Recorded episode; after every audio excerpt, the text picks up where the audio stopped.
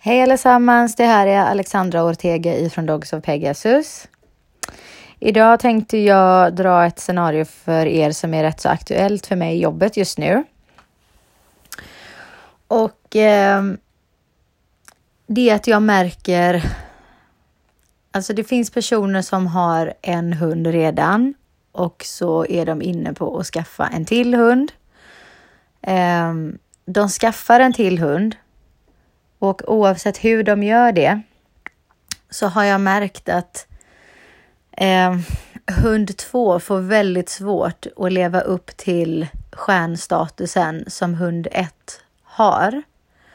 Och jag märker också att eh, vissa människor är omedvetna om att de har gett hund ett den här stjärnstatusen och att de har skaffat hund två eh, lite grann som en present till hund 1.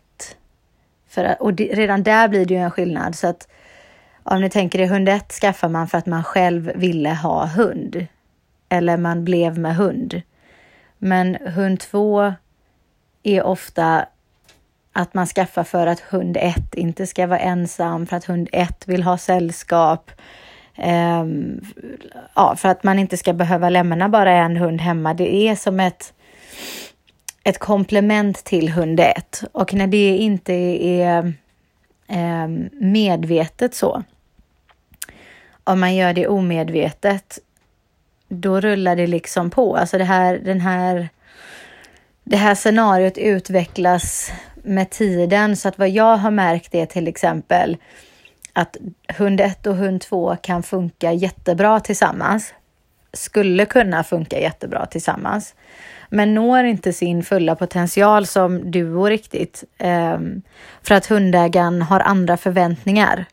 Jag har, om jag ska, om jag ska bli mindre luddig, så, så jag har två, jag har två olika eh, konstellationer i åtanke här nu. Och jag kan berätta om, om nummer ett. Då var det så att eh, hund ett hade varit i familjen ett tag. Ehm, den hade kommit överens med andra hundar under lång tid så att den familjen kände att ja, men våran hund vill uppenbarligen ha en kompis så att vi skaffar en till. Och de skaffade en till hund och de två hade egentligen jättestor potential att bli en dunderstark duo.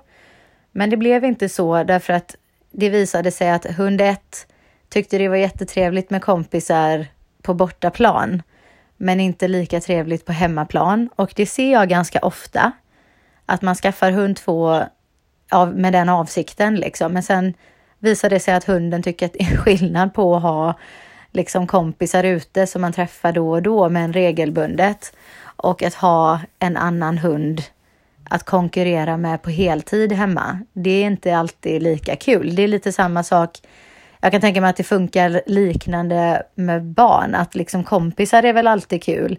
Men det kanske inte alltid är lika roligt att få ett syskon. Vissa unga tycker det är skitkul, andra ungar not so much liksom. Eh, och eh, då när hund två flyttade in där så visade hund ett liksom ja, men den tog avstånd från hund två och eh, var ganska så dramatisk och ojade sig och så fort hund två kom nära så var det usch, usch, usch, jag behöver mer space och då kunde liksom familjen säga att oj, vad har vi gjort här nu då? För att hund ett verkar inte alls nöjd över att hund två är här. Och då blir man lite mm, orolig, man blir lite desperat, man blir lite nervös över vad är det som kommer att hända, vad är, vad är det jag ska göra? Och så har man en tendens att försöka pressa ihop eller sammanföra, eller man, man tar det inte med, man håller inte huvudet kallt, man har inte is i magen, man låter det liksom inte bero och låter hundarna eh, sammansvetsas på naturlig väg av sig själva kanske under lite vägledning, men eh, på det hela taget ganska så mycket själva. Eh, utan man ska vara där och pressa och pusha och försöka sammanföra och, och spela någon liten matchmaker där. Eh, vilket gör att hund 1 känner att oj, nu, fick, nu blev min oro familjens oro. Så att jag har uppenbarligen en stor förmåga att påverka energin i den här flocken. Och då ger man, då expanderar de bara sitt utrymme. Då expanderar de bara vad de håller på med. Det eskalerar. Så att hund ett där blev ännu mer liksom eh, började ta ännu större avstånd och skulle hundarna ligga och vila någonstans så var det liksom i varsin ände i rummet och hund två eh, var öppen för kontakt och så absolut, men, men såg ju att hund ett tog avstånd. Och hade det varit jag med den kunskapen jag besitter nu så hade inte jag gjort någon affär av det. Utan jag hade liksom, okej, okay, du är inte supersugen på att få ett syskon, men du kommer att bli. För att ni kommer att sammansvetsas med tiden. Vi kommer att uppleva så mycket tillsammans som familj. Så det är lugnt. Tiden finns. Det är ingen brådska. Och sen hade det löst sig av sig självt utan egentligen att jag behöver vara där och, och, och pressa samman dem. Men den här familjen som jag har i åtanke nu och som är ganska representativ för de som jag får kontakt med där detta dyker upp. Eh, blev ändå orolig och började oja sig och hade inte den här isen i magen utan bara kände att oj, har vi begått ett misstag här? Och när, när man väl har sått det fröet, det är som en kaktus, det behöver inte mycket vatten för att växa liksom eh, och hålla sig starkt och stabilt. Så att det befäste sig mer och mer och mer och mer tills hundarna slutligen blev osams. Och då blir det som en självuppfyllande profetia för att man har gått här och oroat sig för att gud, hund ett kanske inte vill ha en kompis. Och nu när de slåss eller är oense så ser jag definitivt att hund ett inte vill ha en kompis. Man förstår inte att man själv har varit högst inblandad i att det blev resultatet. Um, för att man inte hade is i magen, för att man ville för mycket och inte lät eh, typ naturen har sin gång i brist på bättre uttryck. Eh, för att det tar tid att forma vänskapsband ibland. Och det är mycket lättare för två hundar att se ut och bonda om de träffas. Liksom jag och du har varsin hund och så träffas vi någonstans och släpper dem och så, åh gud, öppen yta. Vi har gått kopplade fram till den här ytan så att juhu, vi är fria och så börjar de springa och ränna med varandra och leka och ha sig. Det är väldigt, det, det scenariot är mycket lättare eh, och går mycket snabbare för att det ska se positivt ut. Medan att ta hem en hund som den befintliga hunden ska behöva bo med 24-7 eh, är ett helt annat scenario för att då kommer den hunden in på ett territorium som redan är upptaget, som redan är ockuperat av en hund. Det blir en rival, det blir en konkurrent väldigt lätt och då behöver de liksom etablera eh, sina roller i flocken och behöva komma överens om en standardkod typ som ska gälla mellan dem. Och när det är stadgat, då kan man börja liksom ägna sig åt eh, att roa sig och ha kul och alla de här andra grejerna. Så att sånt tar tid. Och hinner man bli orolig under resans gång för att man inte vet att det tar tid, man har inte förväntat sig att det ska ta tid, utan speciellt om man har tänkt sig att det här ska vara en så himla bra matchning liksom. Um, så inbillar man sig att det ska gå så himla fort, att det ska klaffa direkt och att hundarna liksom ska ta emot varandra med öppna armar och det gör de många gånger. Men de gånger när de inte gör det så är inte det så att det är onormalt eller bäddar för ett sämre resultat i slutändan. Um, så att det är liksom ingen... Det är inte negativt att det blir på det sättet alls faktiskt. Det är inte negativt överhuvudtaget.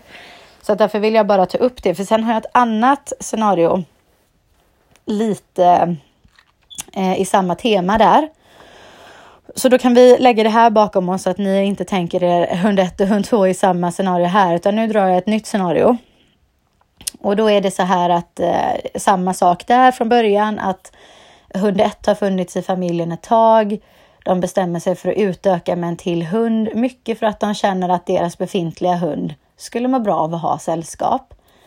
Eh, här tänker inte jag på hundarna så mycket i detta scenariot. Eh, för att det är ett, ett, en duo som ganska så omgående klaffar. Så hundarna reder ut sina roller ganska så omedelbart och sen så eh, finner de sig i varandras sällskap, njuter av det, eh, kan kommunicera väl. Det är inga konstigheter hundarna emellan. Men där jag ser att hund två inte riktigt får en ärlig chans eh, till samma status som hund 1. Så det blir en skillnad och det, visst, jag kan, jag kan tycka att, att det är normalt att det börjar så. Därför att hund 1 kanske man har djupare känslor för, för att det också har tagit tid att få de här känslorna. Man har redan varit med om mycket tillsammans. Och det kanske var första egna hunden eller första hunden som var på det sättet. Alltså vad vet jag, man bondar ju över olika faktorer. Eh, och man har haft tiden på sig att göra det och man har haft erfarenheter tillsammans och så vidare. Så det är i sig ingenting konstigt. Men jag kommer ju in, ofta men inte alltid, eh, längre in i den här konstellationen, alltså senare, en bra bit efter att det blev två hundar och då ser jag att den perioden inte riktigt eh, går över. Utan det är alltid så att hund 1 behov går före. De går först, ska jag säga. Eh, och det är alltid hund 2 som blir liksom boven i dramat om någonting inte stämmer. Om, om hund 1 är lite off, om hund 1 inte gillar någonting, då är det direkt för att eh, hund 2 finns där. Då är det direkt för att hund 2 sysslar med någonting den inte ska. Så att man liksom blir som någon slags helikopterförälder eh, som är där och, och, och, bara svärmar över hela tiden och ska kolla allting som sker och har en inbyggd inställning vare sig den är medveten eller omedveten, om att hund 1 är något slags helgon. Eh, och att eh, så fort det är något gruff om någonting eller så fort någonting inte är vad man tycker att det ska vara, så är det för att, så beror det på hund 2 av någon anledning. Och jag kommer in i det då för att det kanske finns en konflikt senare och så söker man hjälp och så kör jag en inventering eh, över relationen, relationerna och tittar på detta och då ser jag, men herregud, varför får hund två skit för det här? Hund ett är ju minst lika inblandad, om inte den enda som är uppviglaren i det här scenariot. Och då, då ser jag så tydligt att människan kan inte se det i och med att hund ett redan har fått helgonstatus. Så den kan väl inte göra någonting fel. Och jag kan så väl tänka mig att detta sker även i liksom med barn. Eh, jag kan mycket väl tänka mig att det sker även med barn och jag, jag säger att det finns här i, eh, i hundvärlden också. Ehm, jag har en, ehm, en specifik familj i åtanke då där liksom två hundar, hund två kom in i familjen. Hundarna bondade ganska omgående. Det blev jättebra mellan dem i den duon. Eh, men människan gick och inbillade sig, så det var egentligen inte ens att hund 1 hade de behoven på riktigt. Utan människan gick och inbillade sig att hund 1 hela tiden behövde space, hela tiden behövde liksom en paus från hund 2, hela tiden kände sig obekväm med hund 2, när inte det alls var fallet. Utan där jag kunde se att herregud, de här chillar ju ihop liksom. Låt det vara. Och om det är så att hund 1 vill ha lite space, så den här hunden utvecklad nog att kunna be om det själv och hund 2 så pass lyhörd att respektera det i så fall. Så att lägg det inte i. och det, det är lite så här, för mig, eh, lite speciellt att jag säger det just nu, därför att jag har också ett poddämne som jag eh, tänkte ta upp idag, men switchade när jag kom på det här. Men som jag kommer ta upp senare som handlar om mina tankar kring eh, ska man låta hundar göra upp själva eller inte? Eh, och det här går lite hand i hand med det och det, det är liksom när det har med levande varelser att göra, det är sällan någonting är så svartvitt som ett ja eller nej, utan det beror på många faktorer som spelar roll och så får man basera sina beslut på det och så vidare. Men i det här fallet, när hund 1 är en balanserad hund och hund 2 också, Eh, så att det är inte så att någon sitter där med en superkort stubin eller har jättelätt för att, att mm, känna obehag och bli obekväm, är alldeles för ynklig för att säga ifrån. Alltså ingenting sånt, utan två stabila hundar. Då klarar de av att be om space och ge space på egen hand utan att du lägger dig i. Det blir alltså annars att man är den där helikopterföräldern som har för många fingrar med i spelet eh, Eh, och bara stör hundarnas naturliga kommunikation. Och det är intressant då att det, jag, det mönstret jag oftast ser är att den som människan inbillar sig behöver space och tid och allt möjligt är hund nummer ett som redan har fått den här så kallade helgonstatusen. Så jag vet inte hur många som kommer att känna igen sig i det här själva eller känna igen att de vet någon omkring sig som har det så här.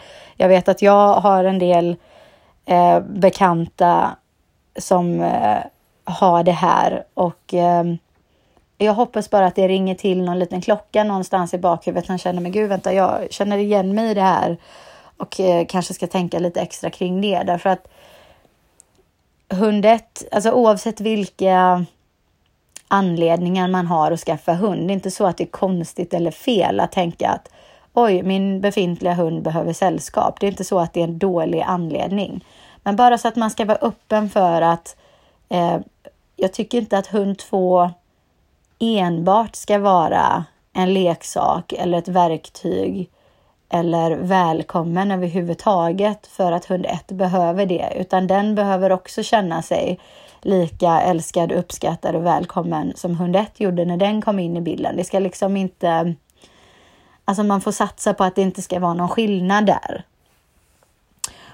Um, så att jag, jag, jag ville bara liksom ja, men påminna om detta och berätta om mina iakttagelser gällande detta. För att jag, jag börjar se att det, att det verkligen är så för ganska många. Och vi placerar ju även hundar så att jag kan se det även där faktiskt. För att många hör av sig till oss för att de vill ha en hund nummer två till exempel. Och då är det ofta det så att vi har redan en hund och har tänkt att den ska ha sällskap. Inga konstigheter där. Det är klart att man får adoptera ändå. Det är, det är inga konstigheter. Men vad, jag, vad nästa steg sen blir då är att man kanske får eh, något samtal om att eh, ja, men hund 1 verkar inte tycka det är så kul som vi trodde. Vad ska vi göra åt att de inte ligger tillsammans hela tiden? Eh, eller där man kan se att folk liksom lägger sig i för mycket för att man är orolig att Um, och känner kanske till och med lite skuld över att man har tagit in hund nummer två för att hund ett helt plötsligt får maka på sig och lämna plats åt en till. Um, och jag vet inte om föräldrar kan känna igen sig i de känslorna, även de, när de um, får fler barn liksom, efter sitt första. Men, men utifrån så kan jag se det väldigt tydligt. Så jag tänker så här sammanfattningsvis att oavsett anledning till att du skaffar en hund nummer två, satsa på att, den, att, att skapa samma känsla när den kommer in i er flock som, och familj som det var för hund nummer ett. Och var försiktiga med att ge hund nummer ett en helgonstatus som hund nummer två aldrig någonsin kommer kunna leva upp till. Hur den än gör, vad den än är, hur den än beter sig, så kommer den liksom aldrig komma upp i den statusen för att det är inte lätt att bli ett helgon. Och många gånger så gör vi bara plats för ett helgon i taget dessutom. Ehm, så det blir alltid att hund två i de här lägena får en, en sämre status och får sämre plats och får eh, mindre uppskattning och så vidare fullt ut på samma nivå som hund nummer ett. Och många gånger kan det till och med vara så att hund två är den som är mest stabil, mest balanserad, mest hövlig, mest skicklig på hundspråk eller kommunikation överhuvudtaget. Men bara för att den kom in efter den andra så är den liksom största platsen i människans hjärta redan upptagen och man släpper liksom inte in. Även om man på ett ytligt intellektuellt plan inbillar sig att man gör det så ser jag på många som söker min hjälp sen att man inte har gjort det på ett känslomässigt plan. Så när jag drar det här eh, för människor så är första responsen ofta att nej, men gud, nej, nej, så är det inte, utan nej, alltså det kanske bara verkar så för att och så har man en massa förklaringar. Och, då, och det är för att man på ett intellektuellt plan vet att det inte låter bra att det skulle vara så. Och det är ingenting man har satsat på eller siktat på att det ska bli så heller. För många gånger är det helt och hållet omedvetet.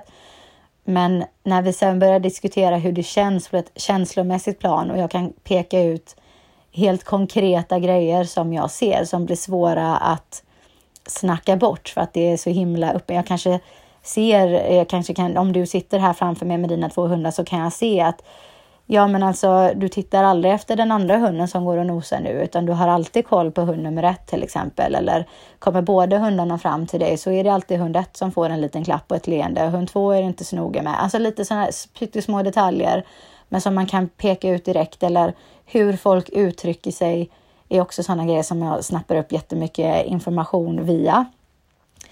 Um, och då blir det svårare att snacka bort det som sagt och då kan man börja säga, ja men fasen också Jo, men visst är det så. Alltså, det är klart. Jo, jag får väl medge det här nu då. Jag har egentligen inte ens varit... Det är inte, jag har inte velat att det ska bli så, men visst, jag ser vad du säger. Jag förstår precis nu. Liksom. Och egentligen handlar det bara om medvetenhet. Det är inte att man är en dålig person eller en, en dålig hundägare eller något sånt där. Um, men det försämrar ens ledarskap att göra skillnader på hund och hund baserat på vem som ligger närmast om hjärtat och inte kanske den som är mest i balans till exempel.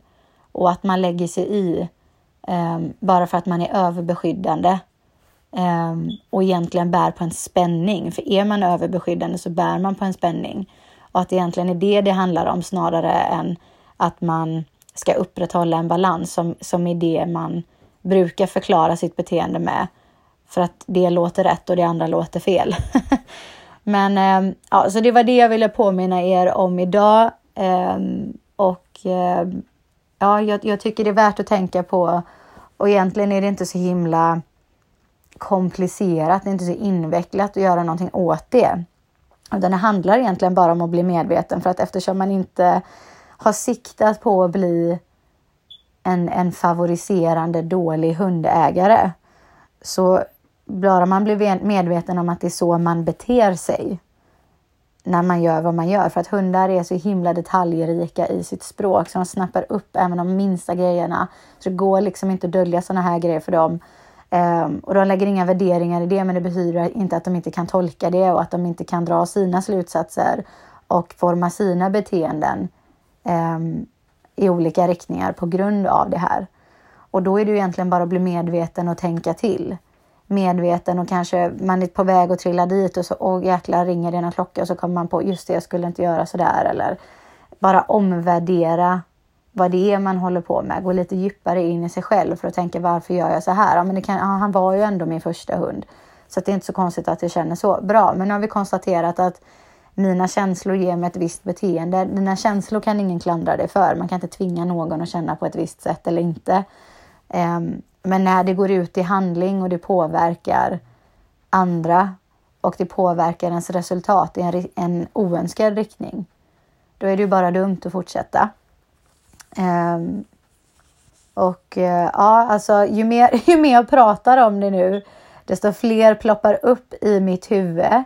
Och um, alla poddämnen som jag har, jag, jag gör en ärlig inventering även med mig själv innan för att veta vart står jag? Vem är jag för att snacka om det här? Vart står jag i det här ämnet? För att jag vet inte om jag har pratat om någon grej någon gång som jag inte själv har gjort.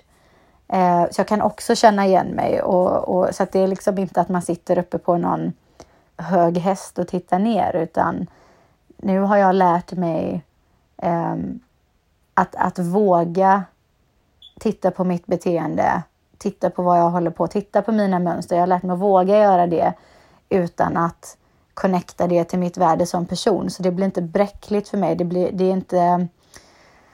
Eh, det är inte eh, jobbigt för mig att erkänna när jag gör fel för att jag inte gör den kopplingen.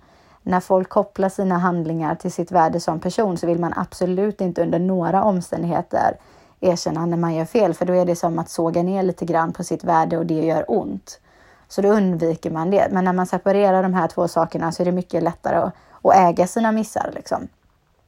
Och jag tänker så här, om jag tittar på min egen flock så absolut, det finns hundar som jag eh, connectar betydligt lättare med för att vi, vi stämmer överens bättre. Vi har mer gemensamt till exempel.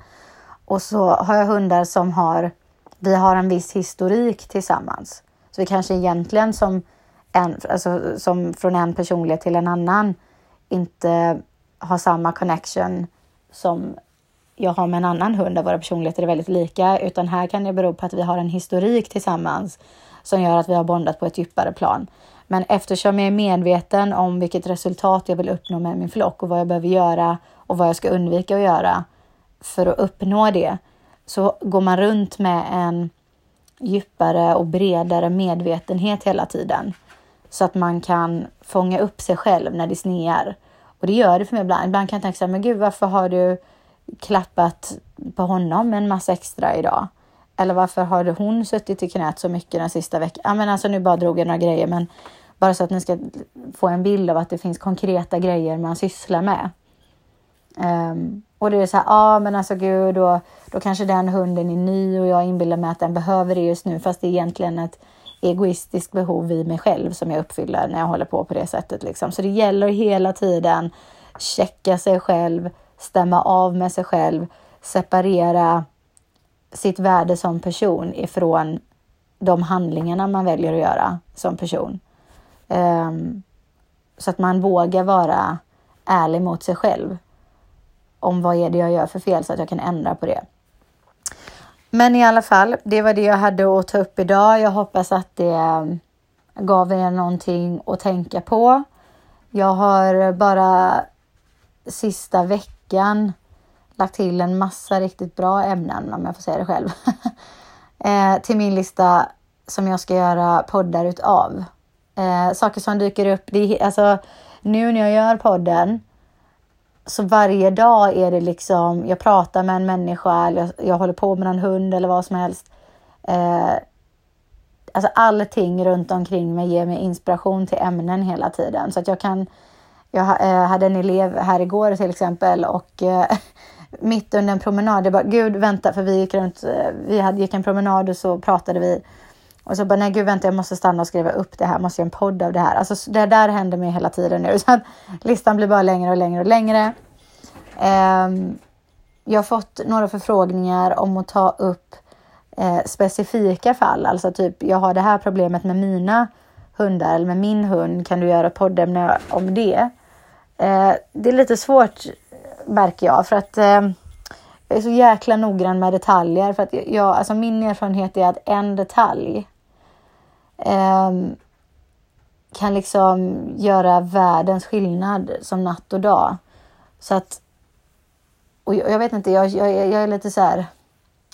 Jag, min, min personliga utmaning som jag har tänkt jag ska ha i bakhuvudet under det här året, få se vad det leder mig till, är att inte hänga upp mig för mycket på perfektion som jag lätt kan göra. För att då är det lätt att det inte blir någonting alls om jag satsar på att det måste bli perfekt och så är man aldrig nöjd och så är man aldrig nöjd och så blir det inget alls. Eh, vilket är jäkla synd för att det finns så himla mycket material som behöver komma ut. Så att det är lite grann en grej jag har som mantra för det här året och se vad det tar mig. Eh, men en sak som jag verkligen inte är redo att tumma på än och kanske aldrig blir är att jag är så himla noggrann med att få med så mycket information som möjligt utan, innan jag gör ett utlåtande. För att fasen, det hade inte känts bra att dra slutsatser baserat på för dålig information och sitta här och ge en massa råd i det läget som sen inte leder till ett bra resultat för att jag slarvade med det och skulle göra ett, ett poddavsnitt som lät bra. Liksom. Alltså det är ingenting. Nej, det skulle inte göra att jag sov bättre precis liksom. Så att eh, vi får se. Det beror lite på hur de här förfrågningarna ser ut, hur detaljerade ni är, när ni beskriver och så vidare. Um, så jag kan inte lova någonting där. Jag får se. Jag vill heller inte dra ett streck över det, för kommer det in någonting klockrent så jag är inte främmande för att ta upp det. Men vi får se. Så fortsätt skicka era förslag. Um, jag är jätteglad att ha er med mig på den här uh, poddresan och uh, det är ofta ni berättar för mig att ni lyssnar på podden och uppskattar den och tycker det är kul och ni lär er massor och så. Och det är minst lika roligt för mig att höra. Så tack så mycket för det. Vi hörs väl då allihopa. Vad säger ni om en vecka? Något sånt där? Kommer ett nytt avsnitt av Balansguiden på torsdag. Fick hoppa det förra veckan för att jag var på kältret, men nu jäklar, nu kör vi. Så eh, ha det så fint nu då. då. Ha en eh, fin eh, morgon, middag, kväll, natt när ni nu än lyssnar på det här. Och eh, ja, ni vet vad jag brukar säga mot balans och toodeloo.